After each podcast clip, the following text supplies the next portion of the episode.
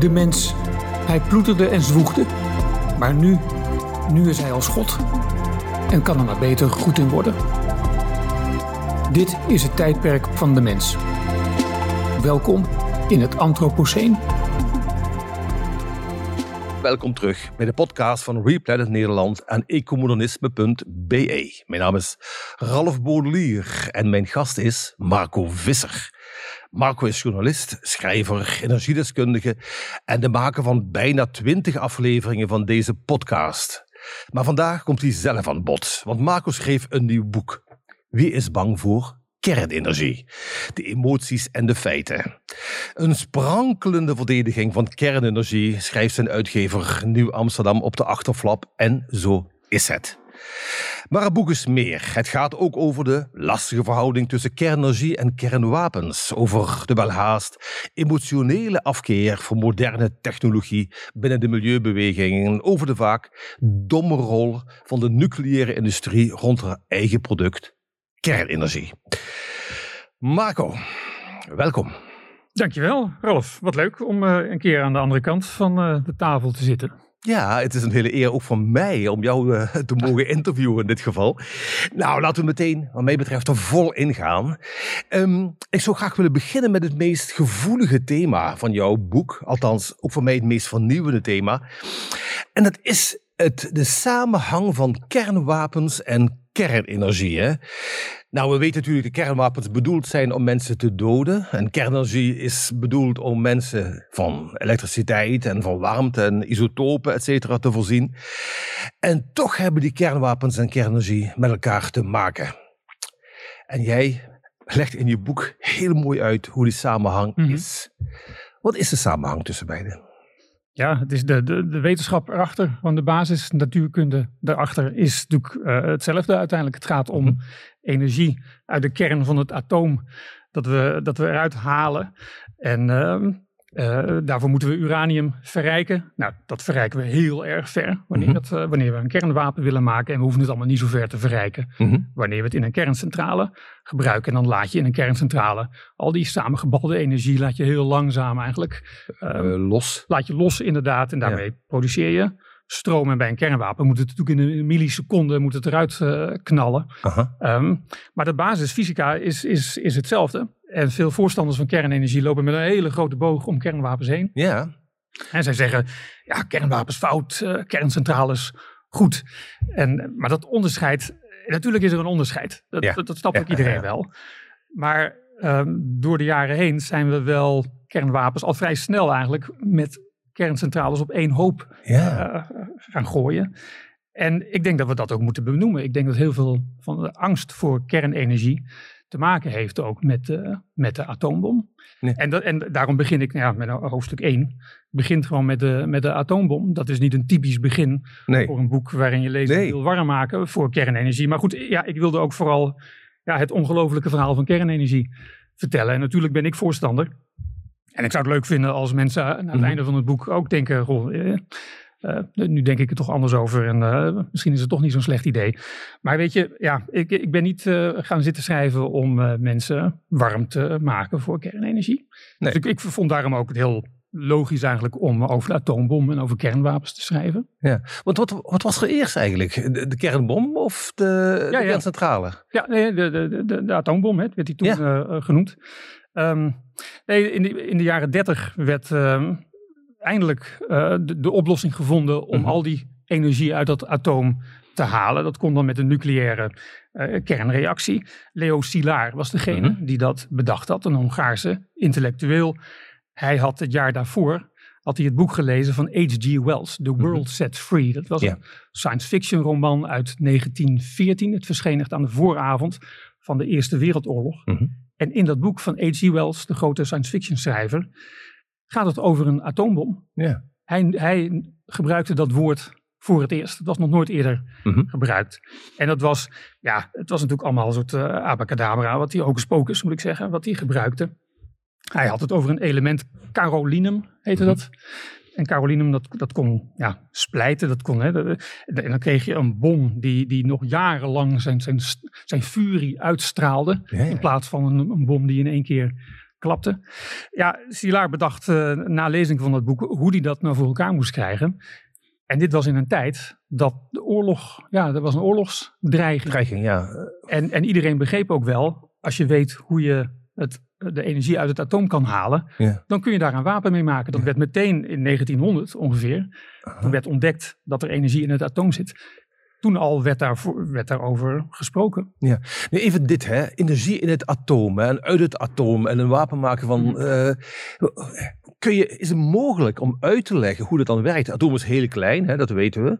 Nou, dus, hoe, uh, splijt je zo'n ding dan? Hoe komt er energie uit? Ja, ja, ja. Hoe zit hij erin? Uh, is, dat, is dat onder woorden te brengen? Nee, dat is wel onder woorden te brengen. Het atoom is een miljoenste van een hoofdhaar. Mm -hmm. um, dan is het de kern van een atoom nog weer heel erg klein, want het atoom we dachten heel lang dat dat ondeelbaar was, maar het blijkt dat het deelbaar is, dat er, dat er binnen het atoom nog van alles aan de, aan de hand is. Mm -hmm. Ieder atoom heeft een kern. En die kern die is ook weer super klein eigenlijk. Hè? Dus blaas je het atoom op tot een, een, een, voetbalstadion. En je gaat dan zoeken naar de kern. Dan is het zo klein als een knikker, volgens mij. Ja, ja, ja. Um, nou, dan zit er rondom die kern uh, daar zit een wolk van elektronen. Ja, weet je Ralf, um, ja, dat, de techniek interesseert mij genoeg veel minder dan, dan de maatschappelijke ja, ja, ja, ja, en de culturele implicaties. Ik kan wel iets over de techniek vertellen, maar ik, ik merk ook wel, veel mensen haken af. Ik heb heel weinig techniek ook in het boek staan uiteindelijk. En, en ik vind het zelf, wat misschien hier wel fascinerend van is, is dat we dit soort ontdekkingen deden aan het begin van de 20e eeuw, dus vanaf mm -hmm. 1900. Mm -hmm. En dat was een wereld waarin ja, uh, paard en wagen had je nog. Mm -hmm. en, en er lag overal mest. Uh, mm -hmm. Steden waren vies. Er waren kolenfabrieken gewoon midden in de stad. Uh, er was zwarte lucht. Mensen liepen gewoon te kuchen de hele tijd zeg maar, de, door de stad. En in die wereld waarin veruit de meeste mensen nog boer waren. En weinig scholing hadden.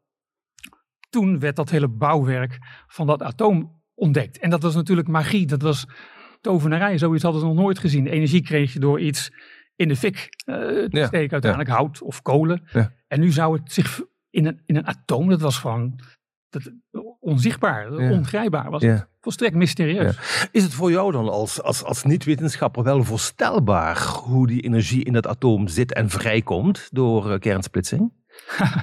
het, het, is met moeite voorspel, uh, voorstelbaar. Ja. Ik, ik, merk, omdat ik helemaal niet technisch onderlegd ben, mm -hmm. en ik doe echt moeite om, het, om de techniek te begrijpen hoor. En het, lukt me ook tot op zekere hoogte. Mm -hmm. Maar ik, ik, ben natuurlijk niet iemand die, uh, die in de nucleaire sector werkt nee, of nee. die natuurkunde nee, okay. in zijn vingers heeft. Dus ik, ik, blijf me iedere keer over verbazen. Ja. Ik, ik, stel me een beetje uh, gerust in de wetenschap dat er aan het begin van de 20e eeuw ook de grootheden als uh, Marie Curie en Albert Einstein ook moeite hadden om te beseffen wat dit nou eigenlijk betekende. Ja. Zo revolutionair was het. Ja, ja maar die schrijver Wells, hè, die zag wel meteen de potentie, hè, of, of dreiging mij betreft, van het atoom de atomsplitsing en het atoomwapen in dit geval. Ja. Nou ja, het werd natuurlijk bewaarheid. Hè?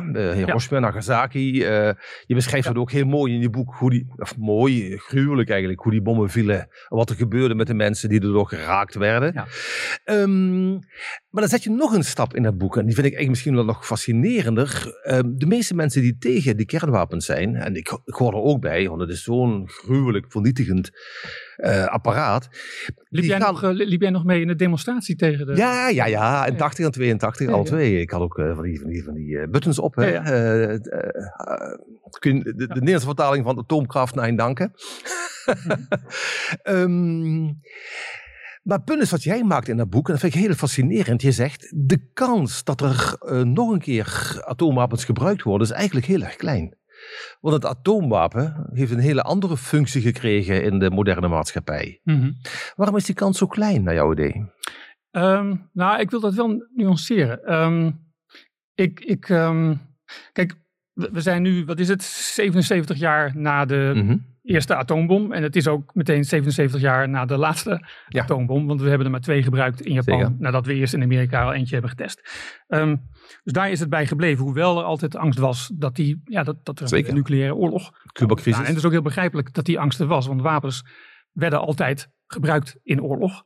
En het kernwapen heeft dat veranderd. Ja. Doordat de militaire strategen dachten... oeh, nu moeten we eigenlijk zorgen dat we wapens niet gebruiken. Want ze wisten heel goed dat als je ja. eenmaal kernwapen inzet en de vijand reageert ook met een kernwapen. Ja, wat doe jij dan? Dan reageer jij weer. En dan, is het einde zoek. Dan is het einde zoek. Ja, letterlijk, ja. ja. Dus dat heeft ons denken over oorlog en vrede is veranderd. En inderdaad is het sinds 1945 is er een ongekende lange periode ontstaan van vrede. Er zijn nog steeds oorlogen, maar die duren korter volgens mij. Ze hebben sowieso minder dodelijke slachtoffers. En wanneer het gaat om landen met kernwapens, die voeren nog maar zelden oorlog, worden ook zelden aangevallen. Mhm. Er zijn uitzonderingen, eh, dus het klopt niet helemaal. Eh, afschrikking werkt tot op zekere hoogte, maar niet altijd. Maar jij zegt dat ik zeg dat de kans klein is dat die nog gebruikt wordt. Dat zeg ik eigenlijk niet. En ik vraag me ook wel af. Volgens mij hebben we een kans gemist. We hebben volgens mij een kans gemist om van Hiroshima een. Ja, om daar ieder jaar bij stil te staan op de 6e mhm. augustus, de dag hè, dat hij op Hiroshima viel. Daar hadden we eigenlijk, ik schrijf dat helemaal niet in het boek trouwens hoor, maar daar hadden we misschien een, een haast religieuze herdenking van moeten maken. Dat we ieder jaar daarbij stilstaan. Want hoe langer hoe geleden het is dat die atoombom is mhm. gebruikt, ja, hoe minder bewust mensen daar nog van zijn uiteindelijk. Dat is gewoon hoe de mens in elkaar zit. Terwijl als we daar voortdurend mee bezig zouden zijn, aan herinnerd zouden worden, dan zou daar meer ontzag voor zijn. En, en dat ontzag is wel noodzakelijk. Ik beschrijf in het boek een incident van, ik denk 2007 ongeveer, dat er een kernwapen werd verplaatst eh, en op een, in een vliegtuighangaar uh, eh, 36 uur onbewaakt bleef, omdat de, de, afstemming niet helemaal juist was en niemand had in de gaten dat er zo'n kernwapen ergens onbewaakt op een vliegveld uh, stond. Mhm. Dat is volgens mij een teken dat, we, dat het de betovering een beetje heeft verloren. En als dat het geval is, nou, ja, dan kunnen we er ook maar beter vanaf. Maar de vraag is, hebben we geen kernwapens meer? Ja, is er dan automatisch vrede? Eh, nee, er zijn genoeg gruwelijke wapens. Er zijn altijd gruwelijke wapens. Nou ja, je kunt zelfs zeggen dat de moordzucht, en dat weten we ook uit de geschiedenis, is enorm afgenomen in oorlogen eh, mhm. sinds de Tweede Wereldoorlog. Ja, ja uh, en dat is niet alleen vanwege de atoombom, hè. dat is ook vanwege een hoger welvaartsniveau. Maar zeker. We gingen handelen met elkaar. Ja. dan, we hebben niet zoveel trek meer in oorlog. In oorlog, ja. Maar toch is natuurlijk jouw stelling in het boek, want het gaat ook wel over kernwapens en kernenergie. Mhm. Dat uh, het kernwapen aan zich, de angst daarvoor, heeft een dempend effect gehad. Ja. Ja. Zou jij... Um, Ik ben er ook bang voor. Nou ja, dat is ik wat precies willen vragen. Want oh. jij ronde je boek af volgens mij op de dag dat uh, Poetin binnenviel in, uh, in Oekraïne. Mm, nee, niet, ik, ik, was toen nog wel aan het schrijven. En ik heb wel steeds die situatie, met name in Zaporizhia, in de eh, gaten gehouden. Terwijl ik nog aan mijn laatste hoofdstukken uh, ja, zoiets, Ja. ja. precies. Maar goed, dat hele, die dreiging van, uh, van de Russen op dit moment, dat je dus ook in die talkshows blijkbaar, ja, ik, ik zie ze niet en jij waarschijnlijk ook niet, maar we lezen erover, dat er constant gedreigd wordt met kernwapens. Hè? Hoe lang het duurt voordat je Berlijn plat, gooit en Londen mhm. en misschien wel een raket naar New York stuurt. Um, zou die dreiging toch iets veranderd hebben aan uh, de, de, de stelling in je boek dat kernwapens een dempende werking hebben? Mm, nee, dat denk ik niet zo. Ik heb dat hoofdstuk over kernwapens ook volgens mij wel redelijk genuanceerd geëindigd. Mhm. Met de bewering ehm, dat die kernwapens waarschijnlijk overschat zijn. Zowel door de mensen die er heel erg bang voor waren en die zeker wisten, weten dat de kernwapens een einde zullen maken aan de beschaving. Mhm. Als aan de andere kant, dat eigenlijk de gangbare doctrine in de internationale politiek is, namelijk dat kernwapens zo'n afschrikwekkend effect hebben dat er nooit meer oorlog zal zijn.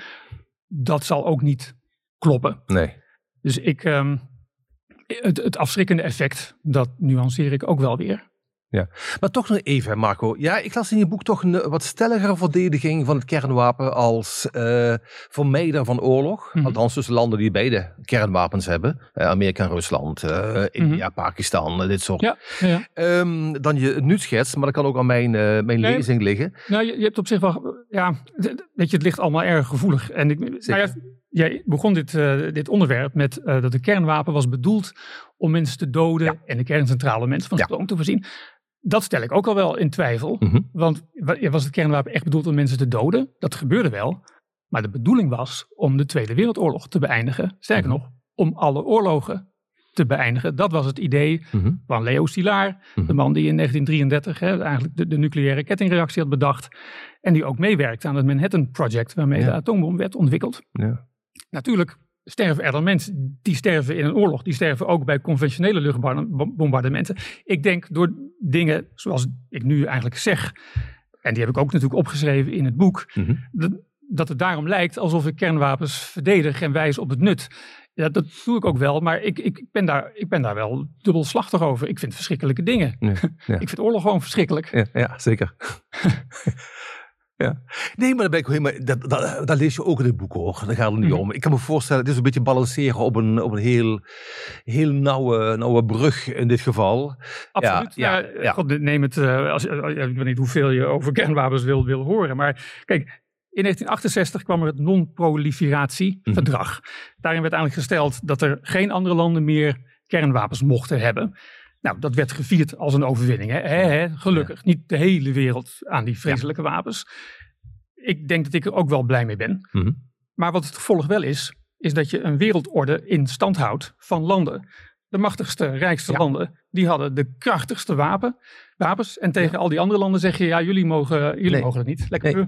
nee. Want als Oekraïne de wapens niet hadden ingeleverd, Precies, precies hè, hadden Russen waarschijnlijk niet binnengevallen. klopt. Ja, Exact, Oekraïne ja. had wapens toen de Sovjet-Unie uiteenviel. Ja. En als een aantal andere Sovjet-staten.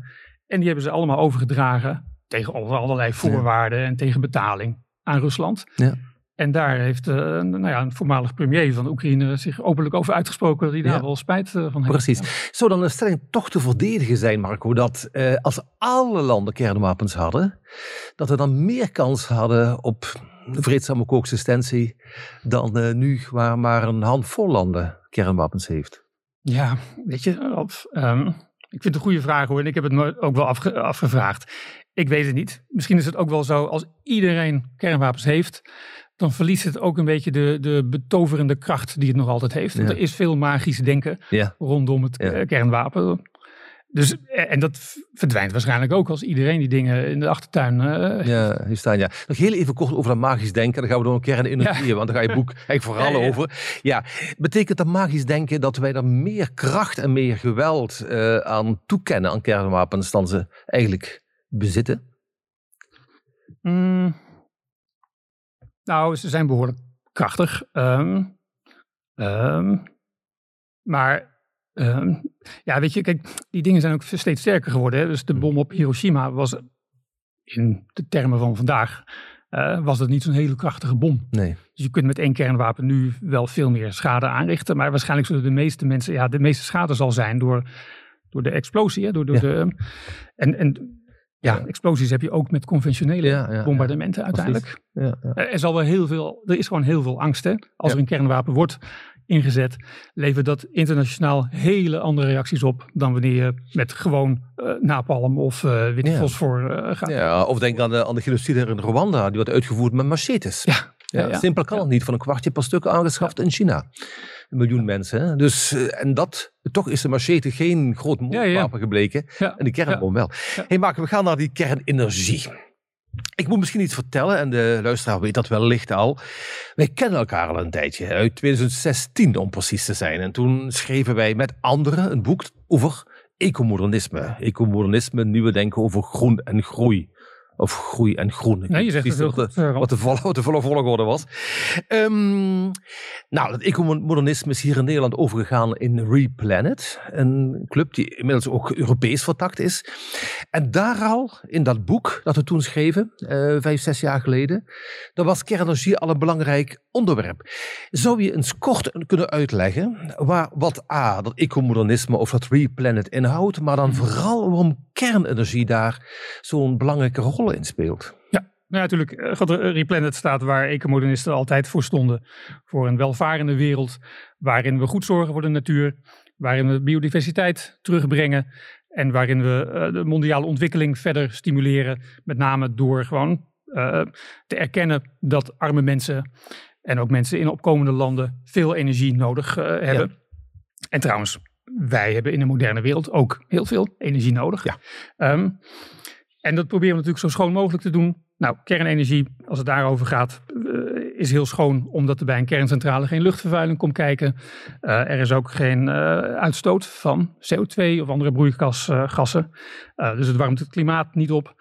Ehm, natuurlijk is er CO2-uitstoot wanneer je een kerncentrale gaat bouwen, met een mijnbouw van uranium bijvoorbeeld. Ja, beton, uh, staal, gieten, nou ja. ja. Maar ook dat, dat geldt natuurlijk voor alle uh, energiebronnen. En maar zelfs dan over de hele levenscyclus gerekend, afgezet tegen de elektriciteit die je produceert, is dat nog altijd veruit uh, het laagste. Een beetje op gelijke hoogte met windmolens trouwens. Ja.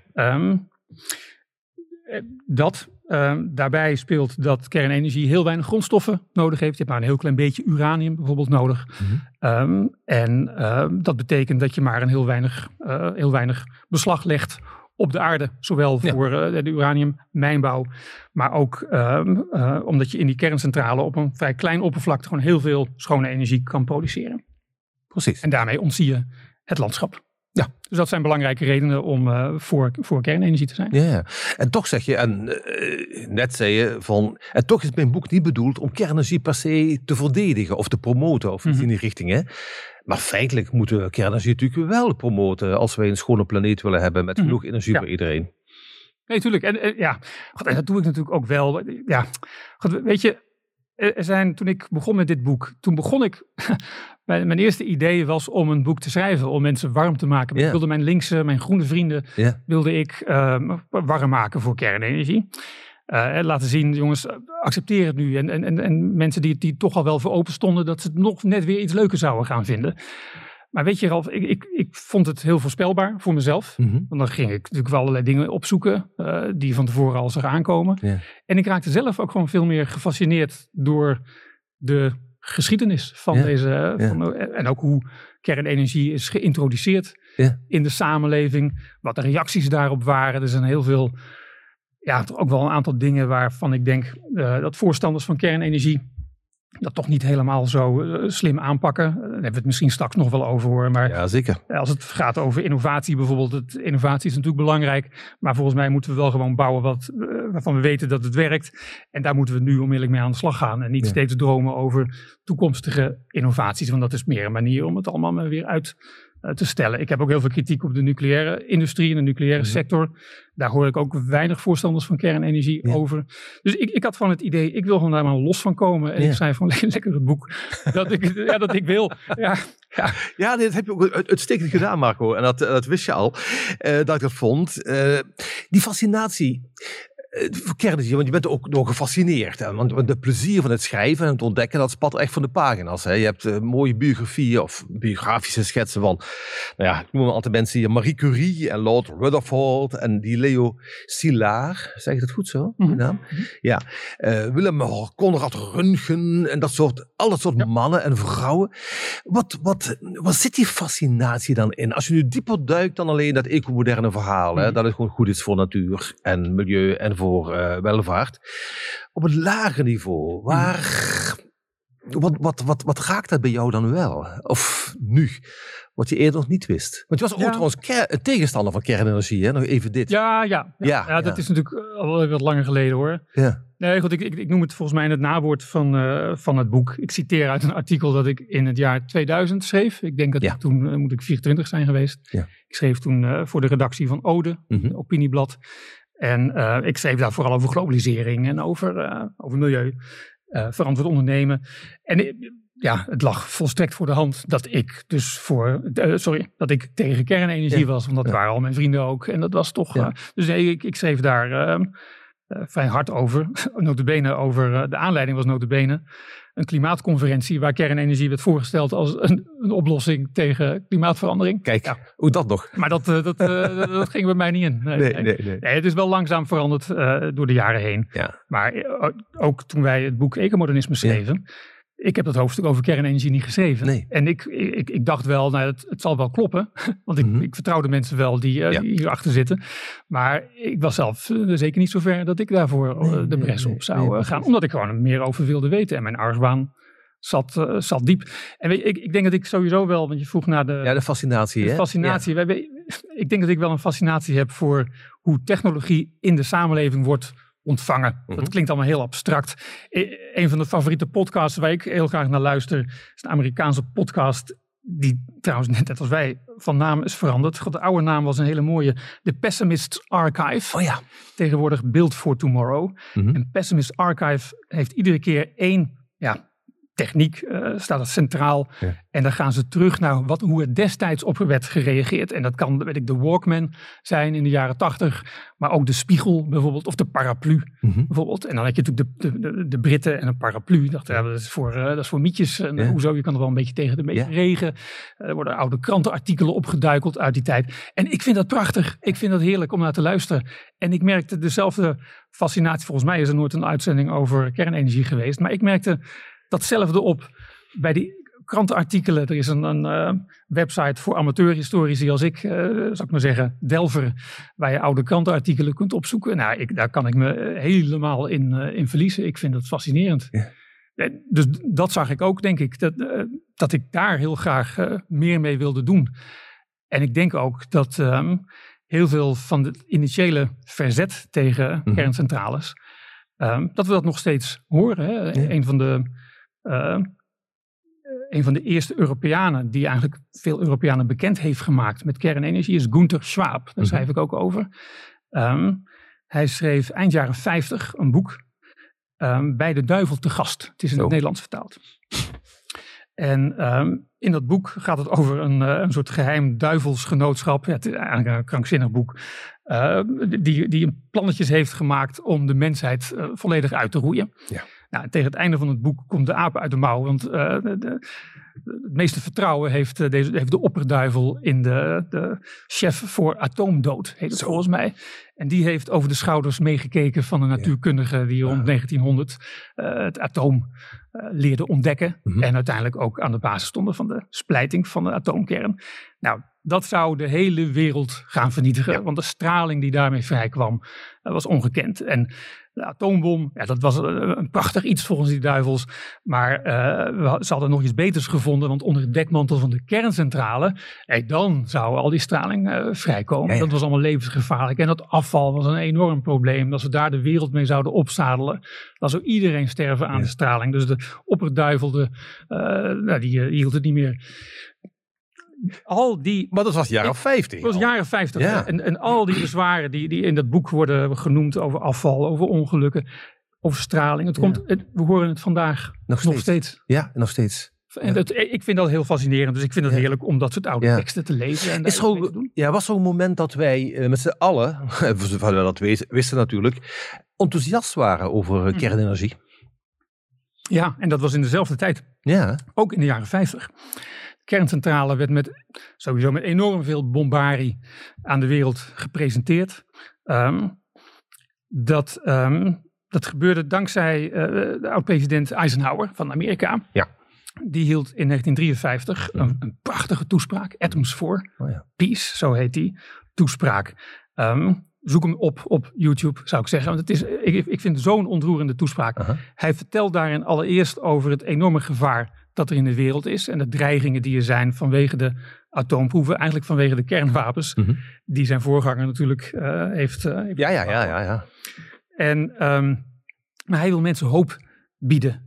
En hij zegt dat we dat atoom uit de handen van de soldaten moeten halen en in de handen van, van de mensen en van de, van de techneuten. En die moeten er iets goeds mee doen voor de samenleving. En dat is voor een deel natuurlijk stroomvoorziening. Dat was het belangrijkste punt maar je zou het ook kunnen gebruiken in de landbouw en in de gezondheidszorg. En dat is natuurlijk ook uh, gebeurd uiteindelijk.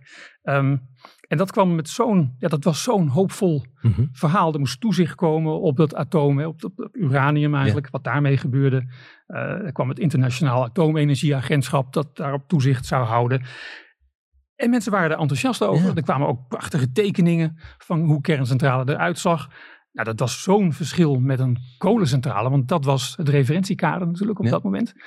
Nou ja, Ralf, ik weet dat jij uit een ja, komt van... Uh, een medewerkersgezin, ja, ja zeker. Ja, ja. Dus ja, ga je één keer al ga je maar op bezoek in een kolenmijn. Je zit s'avonds nog al die, die, de roet van je handen te, te, te, vegen, dan krijg je er niet meer af. Dus dat, dat was gewoon ontzettend smerig. En een kerncentrale, ook toen die werd geopend, het was een toeristische attractie eigenlijk. Mensen gingen daar naartoe en in vol bewondering zaten ze te kijken. Zo'n schone, een, een, steriele fabriek. Hoe kon ja. dat nou? Ja. Hoe is het mogelijk dat dat beeld hè, dan zo is omgeslagen? Want we praten misschien wel naar de hand over, uh, over Tsjernobyl. Maar daarvoor ging het dan mis eigenlijk. Dat kernenergie steeds vaker in discrediet uh, ja. raakte. Wat, wat waren de... Ja. gebeurde er? Nou ja, wat volgens mij gebeurde is uh, welvaart gebeurde. Uh-huh. We werden welvarender. En ehm, met name in het Westen, ook in Japan, eh, waar uh, ja, internationale handel kwam op. En dat gaf ons een zekere luxe om eens te reflecteren op wat we nou eigenlijk, waar we mee bezig waren. Mm-hmm, mm-hmm. Er kwam meer reflectie op, ja, is, is al die economische groei, is dat nou eigenlijk wel goed? Um, economische, economische groei ging ook behoorlijk gepaard met milieuvervuiling. Mhm. Daar, werd, daar was aanvankelijk niet veel oog voor. Mhm. Uh, daar moest op worden gewezen. Dat speelde mee. Maar die energie, ja, energie zat aan de basis van al die groei. Dus energie kreeg een, een kwalijke klank eigenlijk. Ja, en de kerncentrale, ja, uh, uh, er was, er was, ik denk dat rond die tijd, ja, werd toen bekend al dat er heel veel uranium was. In ieder geval was wel duidelijk dat een kerncentrale, ja, dat stelde ons in staat om, om met zoveel energie uh, aan de slag te gaan, dat we daar een, een, eigenlijk konden we daar een welvarende wereld mee opbouwen. Ja, jij en ik zouden zeggen, maar dat is toch fantastisch. Fantastisch, ja. mee doorgaan. Maar er waren Zeker. ook mensen die zeiden, nou nee, nee, nee, want kijk, onze samenleving is natuurlijk ook niet helemaal gelukkig. Nee. Onze problemen zijn niet allemaal op te lossen. We moeten het ook zoeken in het, in het spirituele. Nou, Mm-hmm. in mijn boek uh, haal ik I.F. Schumacher met name Mm. naar voren, om er ook een naam aan te koppelen. Uh, een, uh, een figuur die heel groot werd in de milieubeweging. Ja, Oostenrijkse uh, econoom, Oostenrijks-Amerikaanse ja, econoom. ja, hij komt uit Duitsland en Duitsland. Hij, hij, vluchtte naar, naar Engeland. Oké. Okay. En, en dus hij is Duits-Engels. Mm-hmm. En Ernst Friedrich Schumacher, ja goed, hoe, okay, ja. hoeveel Duitser kun je het hebben? Maar, ja, dat is ook waar. Ja, ja, ja, ja, ja. Small is Beautiful is zijn, is zijn standaardwerk uit de jaren 70. En dat is een verzameling van teksten die hij al vanaf de jaren 50 ging schrijven. Het grappige is natuurlijk dat Schumacher een twintig jaar lang een van de topmannen was in de Britse kolenindustrie. Aha. En hij verdedigde de belangen van zijn kolenindustrie Ja. tegen de opkomst van, nou ja, toen kernenergie natuurlijk. Aha. Je had ook olie, dat was toen op de elektriciteitsmarkt ook een, Mhm. een bron die, die heel sterk uh, groeide. Dus hij, um, hij had de nodige bezwaren bij kernenergie. En ja, of hij het nou doelbewust zo verpakte dat het aansprak, of dat hij, dat hij echt serieuze, um, dat hij echt serieus het idee had dat het er echt beter was om in armoede te leven en dat mensen met maar weinig technologische middelen voort moeten ploeteren. Dat, dat kan, dat weet ik niet goed, maar Nee. zijn teksten duiden in ieder geval uh, daar wel op. Uh, nee, hij vond kernenergie helemaal niks. En met hem natuurlijk uh, ook veel meer mensen. Ja. En, en, die, en die argwaan zit voor een deel denk ik ook in een argwaan richting Amerika. Mhm. He, dus de atoombom was natuurlijk in het diepste geheim ontwikkeld. Sorry dat we het weer over uh, Nee, nee. hebben. En de kerncentrale kwam met, uh, met de, de, grote bombarie. En dat, dat gaf te denken, zou je kunnen zeggen. Er, er, waren ook serieus uh, ideeën wel dat het inderdaad een dekmantel was om toch met kernwapens door te gaan. De zwager van I.F. Schumacher trouwens, heb ik dat in het boek staan? De zwager van I.F. Schumacher, dat was Werner Heisenberg, die in Duitsland meewerkte aan de ontwikkeling van de Duitse atoombom. Ja. En daar niet uh, zo ver mee is gekomen, gelukkig. Ja, ja, Ik krijg hem niet uit je boek, maar het is wel een extra, extra dimensie aan het verhaal. Maar het is natuurlijk die, hè, dat, dat, dat hou het klein van Schumacher of zoiets. Hè, en dan krijg je dan een grens aan de groei, hè, Club van Rome. En kernenergie is natuurlijk een manier om het niet klein te houden, maar om de wereld laten, door te laten groeien in een nog hoger tempo. Dus dat, dat, dat, dat conflicteerde. Um, we gaan even naar de kernenergie zelf kijken. Um, tot ja, toen wij dat boek schreven maken over ecomodernisme, waar nogmaals kernenergie een belangrijke rol in speelde, het was eigenlijk kernenergie een beetje ten dode opgeschreven. Dat zei ook iedereen. Ja. Van jongens, uh, ja. hou er maar mee op, want het wordt helemaal niks. En wij dachten dat het dat misschien wel zo was, maar toch belangrijk was om te benadrukken, ja, gezien de klimaatverandering. Nou, dat lijkt de laatste jaren, de laatste jaren eigenlijk, uh, heel fors uh, uh, omgeslagen, dat hele, hele teneur. Ja. Hoe staat het er nu voor? En ik denk dus vooral aan hoeveel centrales hebben we nu, maar hoeveel zit er ook vooral in de planningwereld? Ah, ja. Waar gaan we naartoe? Ja, ja, ja. Nou goed, er zijn op de wereld uh, grofweg 450 kernreactoren. Verspreid over een aantal centrales. Hè. Dus een klein verschil tussen een kerncentrale en een kernreactor. Wij hebben in Nederland natuurlijk maar één kleine kernreactor in Borselen in Zeeland. Uh, die produceert in zijn eentje, uh, wat is het, 3% denk ik van de ja. totale stroomverbruik. Um, maar in, de, in, in, België heb je twee kerncentrales met dan in totaal zeven kernreactoren. Want je kunt gewoon op één plek natuurlijk meerdere ja. reactoren kwijt. En dat zie je ook in, uh, in andere landen. Um, die zijn verspreid over, ik denk, pakweg 30 landen. Mm -hmm. En ehm, ieder land kan er natuurlijk aan beginnen, maar je moet wel je handtekening zetten onder een enorme stapel papieren waarin je ook uh, toestaat dat er voortdurend controles komen, ja. et cetera. Uh, dus zo makkelijk is het niet om eraan te beginnen. Nee. Dat is nog steeds het geval. Het is erg lastig. Um, vandaar een van de redenen waarom veel landen toch voor kiezen. Nou, dan gaan we wel in ieder geval voor nu verder met kolen. Met kolen en uh, ja. Veel makkelijker. En met, trouwens ook met windparken en uh, zonnepanelen natuurlijk. Um, dus dat is de stand van zaken. Dan is het ja, het aandeel van kernenergie in de totale mix. Die is aan het afnemen. Nog steeds? Nog steeds. Die is volgens mij uh, onlangs onder de 10% uh, gedaald. gedaald. En dat is een... Uh, de, de, zo laag is het in de laatste 40 of 50 jaar yeah. niet geweest, volgens mij. Uh-huh. Um, en dat komt omdat uh, ja, er gaan wel kerncentrales open. En daar zijn de voorstanders van kernenergie natuurlijk, uh, die sturen juichende tweets uh, de wereld in. Maar intussen gaan er ook behoorlijk wat kerncentrales ja. dicht. In Duitsland? Heel veel in Duitsland België. bijvoorbeeld, ja. ja um, dus dat heeft elkaar redelijk op uiteindelijk. En intussen stijgt de vraag naar energie, Ja. de vraag naar elektriciteit. Ja, ja. En dat is nauwelijks bij te houden. Nee. En tegelijkertijd hoor ik dan dat, dat China, ik dacht, zit er 150 of, uh, Ja. kerncentrales willen In, openen? in 15 jaar tijd volgens mij. Ja, precies. Ja. En dat er 13 Afrikaanse landen zijn die uh, al voorlopige contract hebben gesloten met de Russen met name. Is de vraag wat daarvan overblijft na deze oorlog. Ja. Maar goed, dat Afrika ook wel- wellicht op de drempel staat om kernenergie te omhelzen. Het is nog maar één land nu, hè? dat is Zuid-Afrika en Koeberg. Ja. Dacht ik. Als dat allemaal doorgaat, hè, en als wij krijgen weer centrales, de Tsjechen gaan bouwen, de Polen gaan bouwen, de Turken gaan bouwen. Hoe zou dan het aandeel kunnen zijn over pak een beetje 20, 30 jaar? Hebben we daar een idee van?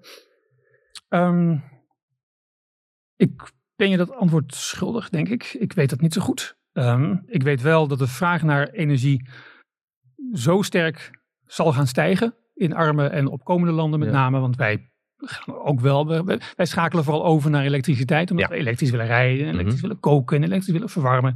En dat is denk ik ook heel nuttig, want elektriciteit is veel eh, eh, efficiënter uiteindelijk. Ehm, maar ehm, nee, in andere landen, daar, daar, daar schreeuwen mensen uiteindelijk om Ja. energie. En die zullen het ook hoe dan ook voor elkaar gaan krijgen. Ehm, als het allemaal doorgaat met die contracten in Afrika bijvoorbeeld en ook in andere Aziatische landen. Ik denk dat het, dat het aandeel een beetje zal stijgen. Dan zal het misschien naar 20% zijn, zeg ik nu even uit mijn hoofd. Mhm. Maar weet je, het is al dit soort eh, uitspraken over de toekomst, Dat is heel lastig, hè? die hebben heel veel te maken met politiek. ja. precies. Stel nou dat er ergens een, een meltdown gaat plaatsvinden. Ja. Hoe gaat de wereld daarop reageren? Ja. Gaan we dan zeggen, ja, want dit, dit, dat kan echt niet meer. Nee. Dit, eh, dit, hier gaan we de stekker uit, uittrekken. Dat kan. Of hebben we, kijken we terug naar wat er in Fukushima werkelijk gebeurde. Hebben we inmiddels daarvan geleerd. En denken we nou, ehm, dit kan gebeuren. Maar laten Ja. we kijken wat de straling nou precies doet Ja. met mensen. Wat de gevolgen zijn, et cetera. Ja. En, en, en eh, reageren we iets verstandiger wanneer er een meltdown eh plaatsvindt? ja, we moeten misschien even over, over, over Fukushima hebben. Ja, Hè? ja. We, hadden, we kunnen over, over Tsjernobyl praten, maar het was natuurlijk zo'n andere kerncentrale, een andere tijd. Maar Fukushima, het waren Ja. natuurlijk high-tech centrales, eh, zoals ze overal nog staan. Hè? Nou, ze hebben niet heel high-tech hoor. Japan is een high-tech land. Ja. Maar eigenlijk die kerncentrales waren niet zo high-tech. Wat er nu in Oekraïne bijvoorbeeld staat, in Zaporizhia, Is meer high-tech dan? is veel moderner. Ja, ja, ja, ze is een heel ander type ook. Of nou, een heel ander type. Eh, God, ze, ze hebben natuurlijk allemaal van die ingewikkelde afkortingen en, eh, en, en namen. Dit is, een, dit is echt een andere. Mhm. Deze heeft ook twee extra veiligheidsbeschermingen. eh, waardoor een meltdown mm, nog ingewikkelder is. Maar met name ook waardoor het veel ingewikkelder zal zijn dat de straling het Vrijkomt. gebouw zal, eh, Ja. zal ontsnappen. We weten het niet helemaal Nee. Omdat het gebeurt niet zo vaak. Een meltdown, een ongeluk in de kerncentrale is vrij ongebruikelijk. Dus die vinden vooral plaats in computermodellen en, en niet in, het, in de echte wereld. Eh, dus het, is een beetje afwachten. Maar eigenlijk weten we wel vrij veel van de natuurkunde. Mhm. En, en dat zou ons enigszins gerust moeten stellen dat mocht er in Zaporizhia bijvoorbeeld, bij zo'n moderne Ja. centrale, eh, een meltdown plaatsvinden, ehm, dan is de, en, er- en er zou straling ontsnappen, Mhm. wat nog maar de vraag is, dan zal dat minder zijn dan in, eh, in Fukushima. Omdat die gewoon minder goede veiligheidsmaatregelen Ja. had. Ja, precies. Maar ook Fukushima, en dat is, daar, daar, daar, weet je ook heel veel eh, aandacht eh, aan in je Ja. boek. Het heet een kernramp, maar op zijn hoogst is er één man overleden in, in Fukushima. Ja, ja, dus volgens de politiek. Dat is niet volgens de wetenschap. Nee. Dat vind ik een belangrijk onderscheid. Wetenschap is er dan? Wetenschap is erover uit dat er, eh, het is onmogelijk dat er een stralingsdode Ja. eh, is gevallen. Maar er is een oude regeling in de Japanse wetgeving, om het heel Mhm. ingewikkeld te maken nu, eh, die zegt eigenlijk dat mm, ja, er is een oud werknemer overleden aan een, aan, een vorm van kanker. En volgens een bepaalde regeling kan dat te wijten zijn Ja. aan, Ja. aan de blootstelling aan straling. Ja. Precies. Maar het heeft meer met die regeling te maken en de criteria. Volgens mij wel, ja. ja. Want hoeveel centrales of hoeveel reactoren zijn doorgebrand ook alweer? In, eh, of of hadden een meltdown? in, Eh, eh, eh, drie reactoren. Drie reactoren. Ja. We denken nog steeds dat het een enorme ramp was. Hè? Dat is de reden waarom de Duitsers hun kerncentrales eh, besloten te Mhm. sluiten. Merkel in dit geval. Hoe is het eigenlijk mogelijk dat drie eh, reactoren doorbranden? Oh, ik zal even doorbranden. Meld Mhm, ja, ja. Meltdown is moeilijk in een werkwoord eh, Mhm. te vatten. Ehm, Kernsmelting. kernsmelting, ja. Ja. ja. drie reactoren kernsmelten. Nou, vooruit. Zoiets. En dat er toch zo weinig lichamelijk eh, onheil Ze- Was het toch al zo goed beveiligd? Of is dat hele, hele kernsmelten überhaupt niet zo'n heel groot probleem? Nou ja, ehm, het heeft veel te maken met dat we denken dat ieder beetje straling een enorm groot gevaar voor de gezondheid is. Ja, er kwam straling vrij nadat eh, drie reactoren een meltdown hadden beleefd in eh, Fukushima. Ehm, maar die straling is niet heel erg hoog. Nee. Eh, wanneer het inmiddels zeg maar, de, de bewoonde wereld bereikt. Eh, dan moet je denken aan ja, 6 tot 10 millisievert. Dat is de eenheid waarin straling wordt uitgedrukt. Eh, daarin wordt ook eh, de straling uitgedrukt wanneer je bijvoorbeeld naar het ziekenhuis gaat Mhm. voor een CT-scan. En afhankelijk van welke CT-scan je precies hebt natuurlijk, is 6 tot 10 millisievert vergelijkbaar met een CT-scan van weet ik, het bekken. Volgens mij zit je dan Ja, ja. op, op, op 13 Oké. millisievert. Ehm, is een verschil hoor en ik vind het een beetje tricky om die vergelijkingen te maken met de Mhm. straling in het ziekenhuis. Omdat Mhm. je daar enigszins voor kiest. Het is in ieder geval Ja. het is niet vrijwillig dat je kanker hebt. Mhm. Maar wanneer je een behandeling wilt ondergaan of, of, of gewoon een eh, diagnostische Ja. eh, test wil, dan kies je daar wel Mhm. voor. En dat is natuurlijk niet zo wanneer er een kernsmelting plaatsvindt. Mhm. Ehm, maar uiteindelijk gaat het om de straling. Dat maakt het lichaam niet uit of die straling komt van een kerncentrale of van een CT-scan uiteindelijk. En van die lage dosis straling, zoals die ook in Fukushima het geval was, daar weten we de gevolgen niet heel goed van. Ehm, we weten niet of er schade is, maar we weten ook niet zeker dat er geen schade is. Ehm, en om heel erg aan de veilige kant te zitten, eh, heeft de internationale gemeenschap eh, ervoor ge- gekozen om te zeggen, nou, laten we dan maar heel zorgvuldig zijn en Ja. proberen om zo min mogelijk straling eh, te hebben. Mhm. Maar straling is natuurlijk heel, is, is een heel natuurlijk fenomeen. Het zit voortdurend om ons heen. Het komt vanuit de bodem. Het komt vanuit eh, de, de, de kosmos. Ja. Dus vandaar dat mensen die hoger wonen, bijvoorbeeld in, eh, weet ik, in de Ardennen, daar is het stralingsniveau eh, heel wat hoger dan in de lagere gedeeltes van België, of en zeker ook in Nederland. Wanneer je vliegt, bijvoorbeeld als piloot of stewardess, vlieg je behoorlijk veel. Word je ook voortdurend blootgesteld Ja. aan meer straling dan wanneer je, Ja. zoals wij hier, meer op de grond blijven. En dus die straling is, is overal in lage hoeveelheden.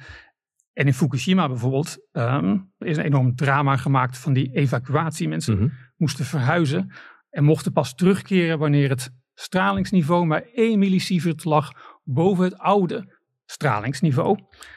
Maar zelfs dat nieuwe stralingsniveau op 1 millisievert meer is nog altijd lager dan naar de mensen die in de Ardennen Ja. wonen. Maar de Ja. mensen in de Ardennen gaan we ook niet allemaal Ja. Massaal Nee. evacueren. Dus met andere woorden, die straling die vrijkwam bij, die, bij dat kernongeval in eh, Fukushima, dat had waarschijnlijk helemaal geen gezondheidsrisico's. Waarschijnlijk niet. Eh, Nee. Ik, ik zou denken dat je na een kernongeval een, een, een of trouwens ik niet alleen, Mhm. dus de, de aanbeveling van eh, een, Ja. een aantal mensen die daarnaar gekeken hebben, eh, dat je in een relatief kleine straal, neem vijf, misschien tien kilometer, ga je mensen evacueren. Eh, maar in principe moeten die binnen een week alweer terug. terug. kunnen keren. Je moet zorgen dat ze voldoende informatie hebben. Willen ze niet meer terug naar hun woonplaats, omdat ze gewoon e- echt bang zijn Ja. voor die straling en niet het risico Mhm. willen nemen, dan geef je ze een, een eenmalige vergoeding, een Ja. goede vergoeding ook. Mogen ze ergens anders naartoe. Te verhuizen. Maar je moet En ook terug kunnen keren Ja. wanneer je dat wilt. In het besef dat je mogelijk, nou ja, je- je zou de schade kunnen uitdrukken in verloren levensdagen. Dat is Mhm. een, een, een, eh, een methode die vaker wordt toegepast bij allerlei schade in, in, in het leven. Ehm, dan gaat het in de, de omgeving van Fukushima bijvoorbeeld erom dat die verplichte verhuizing, jarenlang, voordat ze weer terug mochten keren, dat heeft voor sommige mensen ja, eh, 30 dagen, Mhm. soms 70 dagen, misschien 100 dagen gescheeld. Ja, als je, als je, als je dat zou weten. Ja. Oké, als ik nu dus jarenlang in een hele andere omgeving terechtkom. eh, Ik, ik, ik ben niet meer in mijn oude vertrouwde omgeving. Ja, Wil ik dan oké. 100 dagen langer leven of niet? Ja, Ja, ik weet ja. niet zo goed hoeveel mensen daar. Nee, nee, nee. Maar om het even terug te, terug te halen naar het hier en nu. Hè. Je zegt, eh Japanse centrales die waren, als je vergelijkt met, met Saboritsa, eh, dat is die centrale die nu, nu beschoten wordt. Hè. Althans, waar gevechten omheen eh, plaatsvinden.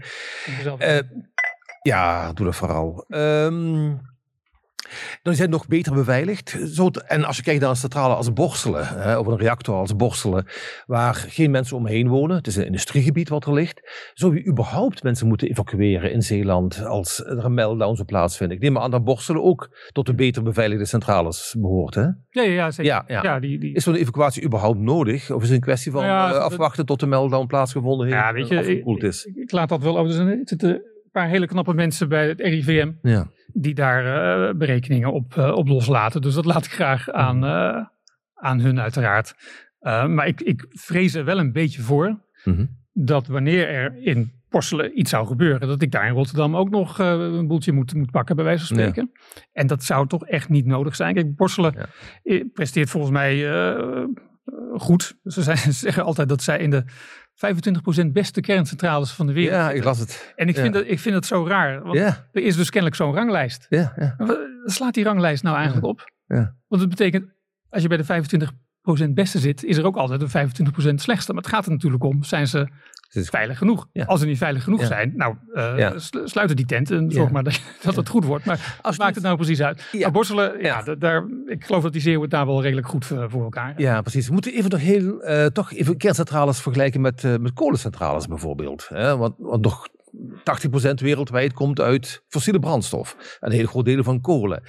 Ehm, is het mogelijk om aan te geven hoeveel slachtoffers er vallen door de kolenindustrie? Bijvoorbeeld een paar honderdduizend of per miljoen mensen of iets in die Ah richting. ja, ehm, En hoeveel slachtoffers er vallen überhaupt in de nucleaire industrie? Maar ook misschien met, met zon en wind. Hoe zijn die verhoudingen? Ehm, eh, ook hier de cijfers heb ik niet helemaal paraat. Maar er is een bekende grafiek die je kunt vinden op de voortreffelijke website Our World in Data. Mhm. Waar je een, een, een grafiekje ziet waarin het aantal doden in een soort staafdiagram naast elkaar staan. En dan zie je dat kolen en gas en olie vermoedelijk ook ehm, er echt uitsteken. Dat heeft natuurlijk alles te maken met de luchtverontreiniging. Ja. Het heeft ook te maken met, met andere dingen hoor. Hè. Een, een gasleiding eh, eh, ontploft een keer eh, in een kolenmijn. Is een. Ongevallen? Ja.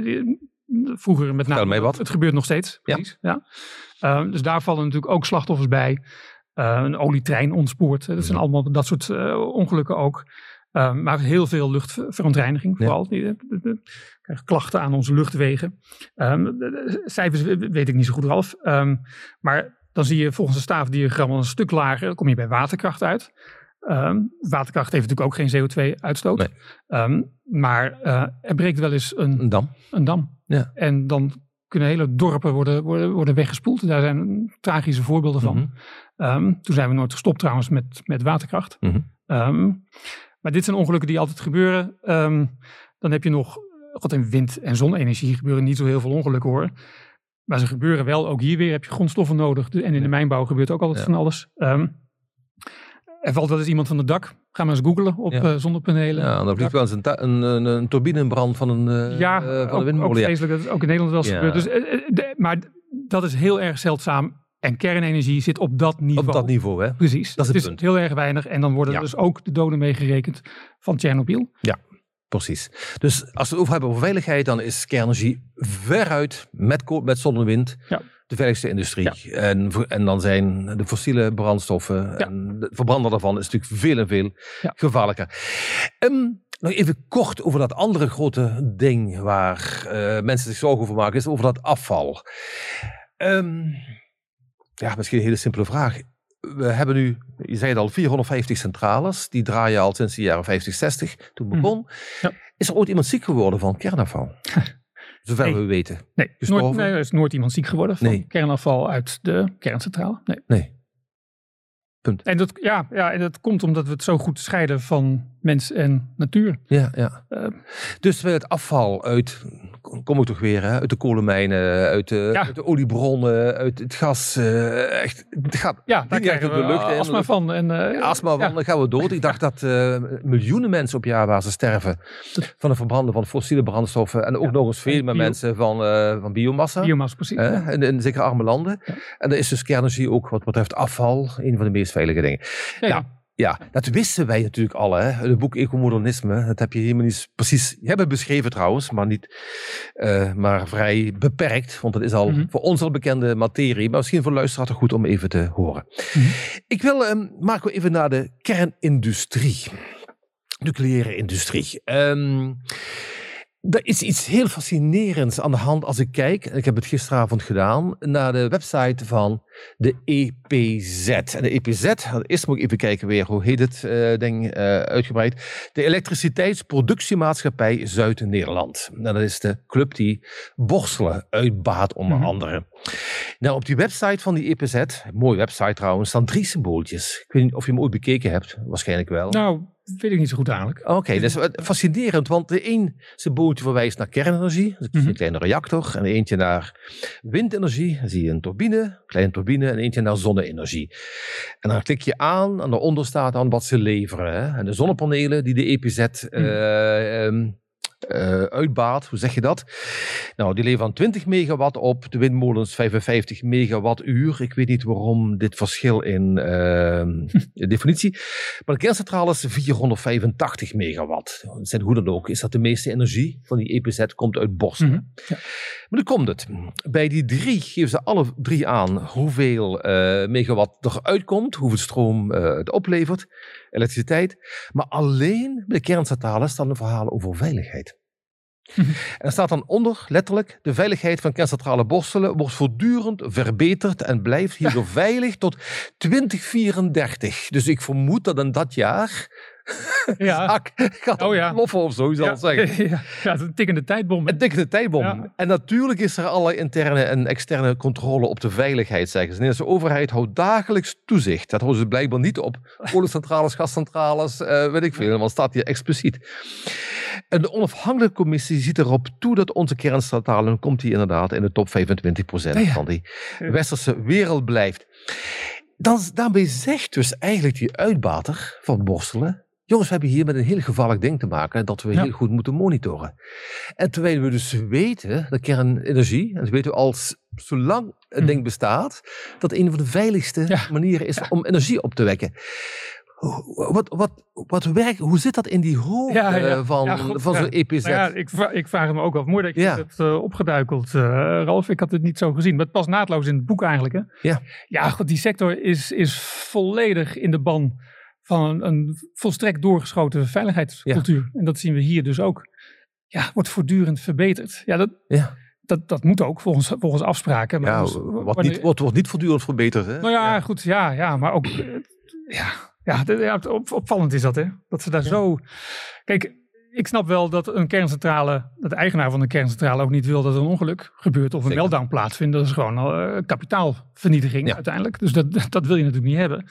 Maar op een gegeven moment weten we vrij goed hoe we dat in, onder controle hebben. Ja. En het is ook onder controle. En op een gegeven moment hoef je ook niet meer verder. Volgens mij gebeurt er zelfs, krijg je eerder een risicovolle situatie als je steeds meer veiligheidsmaatregelen zou inbouwen, die ook op een gegeven moment helemaal geen betekenis meer hebben. Nee. Maar eindeloos veel mensen in de nucleaire industrie hebben hiermee te maken met veiligheid. Dat Ja. is hun werk. Ja. En dit is ook alles wat ze uitstralen. Het is het beschermen tegen het inherente gevaar Ja. in een, in een kerncentrale. En zij zijn zo knap dat zij ons wel zullen beschermen voor dat, uh, Ja.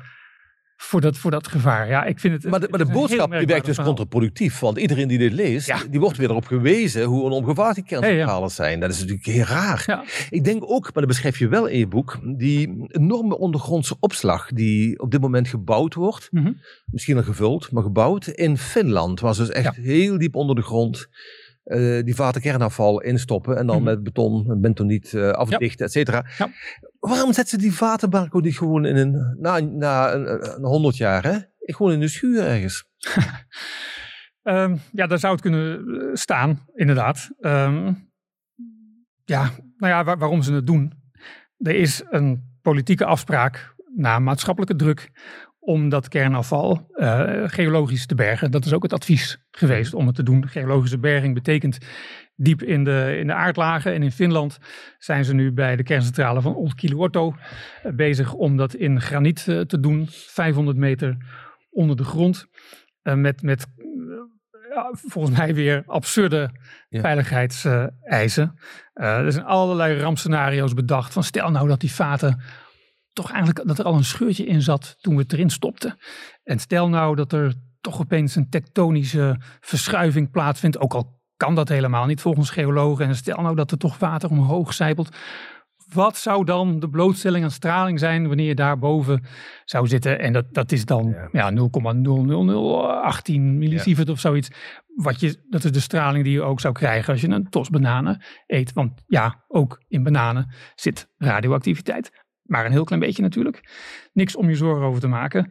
Dus eh, het tekent wat mij betreft uh, ja, het verhaal dat, dat die nucleaire sector zo is overgenomen door dat denken in, uh, in veiligheid. Het is ook doodzonde om het, om het zo diep, om er een halve kilometer, nou trouwens eerst nog. Hoe kun je nou als sector zeggen, dat kernafval niet gevaarlijk is, wanneer het een halve kilometer onder de grond stopt met dit soort maatregelen, dan kun je toch niet aan mensen vertellen dat er, dat er helemaal niks is om je zorgen over te maken. Ja, Nog even heel concreet, hè? ook hier voor de luisteraar die misschien niet weet. Um, de brandstofstaven die komen uit die, uh, die reactoren, die worden mhm. gekoeld, die worden, uh, uh, wordt weer, die worden recycled. Er is maar 4% wat overblijft eigenlijk dat afval is, als ik het goed begrepen heb. Dat wordt vermalen, het wordt in glas uh, gegoten. Kan, Daar komen allemaal lagen heen die het afschermen. Wat zou er überhaupt, stel, misschien, ik weet niet of jij dat weet überhaupt, maar wat zou kunnen gebeuren als zo'n zo'n zo'n zo'n vat van een vrachtwagen zou dukkelen? zou er überhaupt schade ontstaan? Dan wordt er iemand ergens ontslagen, denk ik. Um, ja. Nou, volgens nou, ik kan me niet voorstellen dat daar iets mee, uh, mee gebeurt. Er zijn ook zoveel transporten geweest met afval, ja. treinen en inderdaad ook wel wagens gewoon over de weg volgens mij. En schepen natuurlijk. Daar, ja, daar zullen wel scenario's voor zijn. Ik, ik heb ze ook wel voorbij zien komen. Ja, op een gegeven moment hou je ook maar op met lezen. Maar de scenario's die worden bedacht zijn, zijn eh, echt ook hier weer absurd. Die, ja.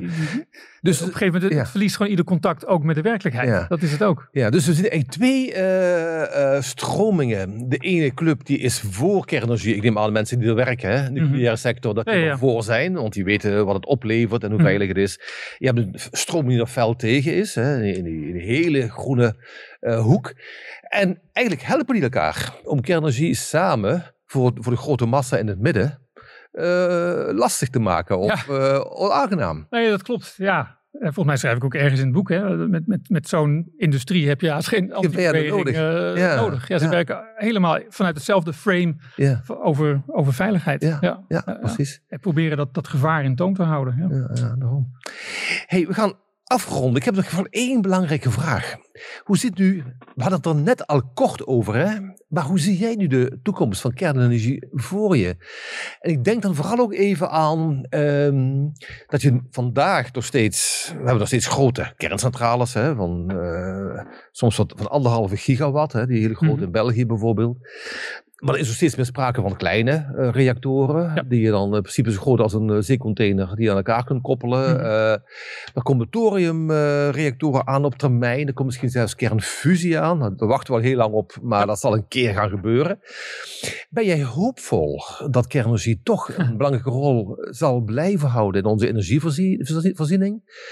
Of is er ook twijfel of het überhaupt wel zal lukken om het overeind te houden? Dat één mhm. domme meltdown met heel veel propaganda eromheen de zaak weer eh, kan verstieren? Ja, ik, ik, ik, ik slinger steeds heen en weer, zeg maar. Dus uh, maandag, woensdag en vrijdag, zeg maar, uh, ben ik hoopvol. En denk ik, ja, het gaat, ik, ik zie echt kanteling. En op uh, dinsdag, donderdag en zaterdag denk ik, nee jongens, dit, zeker hier in Europa gaan we, het niet, gaan we dat niet, niet, mee, niet meemaken. Nee. Maar op zondag weet ik het denk ik helemaal niet meer. Ja, ja. Dus ik, nee, ik vind het heel moeilijk. Ik denk dat hier inderdaad in Europa zal het heel moeizaam gaan als het hier al weer van de grond komt. Mm um, kennelijk, klimaatverandering is een, zelden een reden geweest om een kerncentrale te bouwen mm -hmm. in de wereld.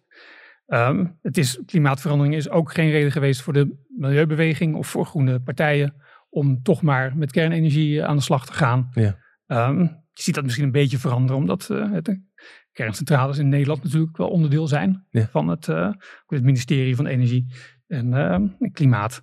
Um, dus ik denk dat het vooral in Azië zal, ja. zal zijn. En gek genoeg denk ik dat daar eerder luchtvervuiling een issue zal zijn ja. dan klimaatverandering. Ja. En, en nu ook hier in, in, in Europa gaat het toch eerder door de energiecrisis, die alles te maken heeft met de invasie van Rusland in Oekraïne.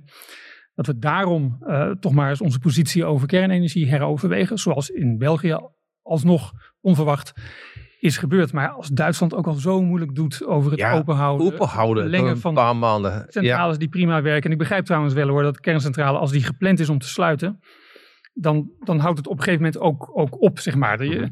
als je hem dan toch langer wil openhouden, dan moeten er wel bepaalde werkzaamheden aan gebeuren om dat gewoon op een veilig niveau te krijgen.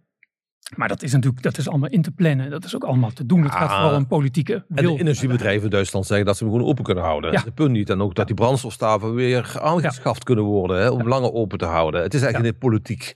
Ja, dat is het. En, en in. België, kijk, dan zeggen mensen, ja, maar Engie, dat is de eigenaar van de kerncentrales daar. Die, die, die wil zelf helemaal die kerncentrales Nee. niet openhouden. Maar ja, dat snap ik ook wel. Engie is gewoon een energiebedrijf. Die heeft ook kolen en, en gas, vooral gas. Het is vooral een gasbedrijf. Ja, de kerncentrales in België zo'n hoofdpijndossier. Ja. ik snap wel dat ze er vanaf willen. En die willen centen vangen voor het ontmantelen. En ze willen centen vangen om een gascentrale te gaan Ja, bouwen. In, in België. Dus het is een, een, verziekt, een verziekte politiek eigenlijk. Ja, ja, ja, precies. Want de tegenstanders hopen dan hè, dat die kerncentrales die dicht gaan vervangen worden zon en wind. Maar de praktijk zal zijn, voor heel Ja, veel voor deel, een klein deel. Voor een klein deel is dat waar natuurlijk. voor een klein deel zeker. Ja, Ja. maar die gascentrales zul je nodig hebben voor de momenten dat het weer tegen zit. Ja. precies. Of kolencentrales openhouden, of weer opnieuw openen. Ja, precies. Marco, meestal kondig jij de, de podcast eh, ook af met je mooie bronzen, diepe stem. En laat ik vandaag ook eens doen. En dan begin ik met Fijn, Marco. Dat ik vandaag de eer had, en ik zei het al, om jou te mogen interviewen. En ik hoop dat je boek het ontzettend goed gaat doen. Het is het zonder meer waard. Dank ook aan Wil, u. wil je, wil je trouwens wel, Ralf, je had bij je aankondiging, had je eigenlijk de titel van mijn boek verkeerd eh, gezegd. Volgens mij zei je, wie is er bang voor kernenergie? Wat ik eigenlijk een veel betere titel vind dan het boek, dan, dan de titel die, die er nu op staat. Jij, zei- jij zei, wie is er bang voor kernenergie? Ja. Het, het heet eh, Waarom we niet bang hoeven te zijn voor kernenergie. Eh, ik, het, oh god, het maakt allemaal niet uit. Dat, als je het boek zoekt, dan kom je er wel. Maar ik, ik vind eigenlijk, ik vind jouw titel vind ik eigenlijk veel mooier. Wie is er bang voor kernenergie? God, kom je nu mee, Ralf? Nou, anyway. ehm, dat, Nou, sorry voor mijn onderbreking. Nee, hier. prima, maar heel goed, ehm, eh, Marco, dat je me corrigeert. Want ik had in mijn hoofd inderdaad. Ik heb het boek natuurlijk eh, gelezen, maar ik heb het boek op PDF gelezen. Ik heb het nooit in mijn hand gehad. nee. Misschien dat ik daarom de titel eh, Maakt helemaal niet uit. goed heb opgeslagen. Ja. Kortom, ehm, waarom we niet bang hoeven te zijn voor kernenergie, de feiten en de emoties. Hè? Dat, dat klopt wel. Nou, het is het. Ik zei het al, Marco, zonder meer waard. Spannend om te lezen. Leuk om te lezen ook trouwens. Met ontzettend veel nieuwe inzichten. Ook voor mij, die toch al een tijdje als, als voor kernenergie-achtig eh, mens eh daarover leest en alles, zat er weer heel veel nieuwe verhalen in. Dank dus, dank ook aan u, luisteraar. Wanneer u meer podcast over een goed leven voor iedereen op een schone planeet wil horen of zien, luister en kijk dan terug op platforms als Spotify, eh, Soundcloud en YouTube. Maar abonneer u vooral ook op Welkom in het Anthropoceen. En Deze podcast is een samenwerking tussen Replanet Nederland en Ecomodernisme BE. En met veel dank ook aan Roman van Ree, die dit programma opnam in zijn studio hier in Leiden. Dank en tot de volgende keer.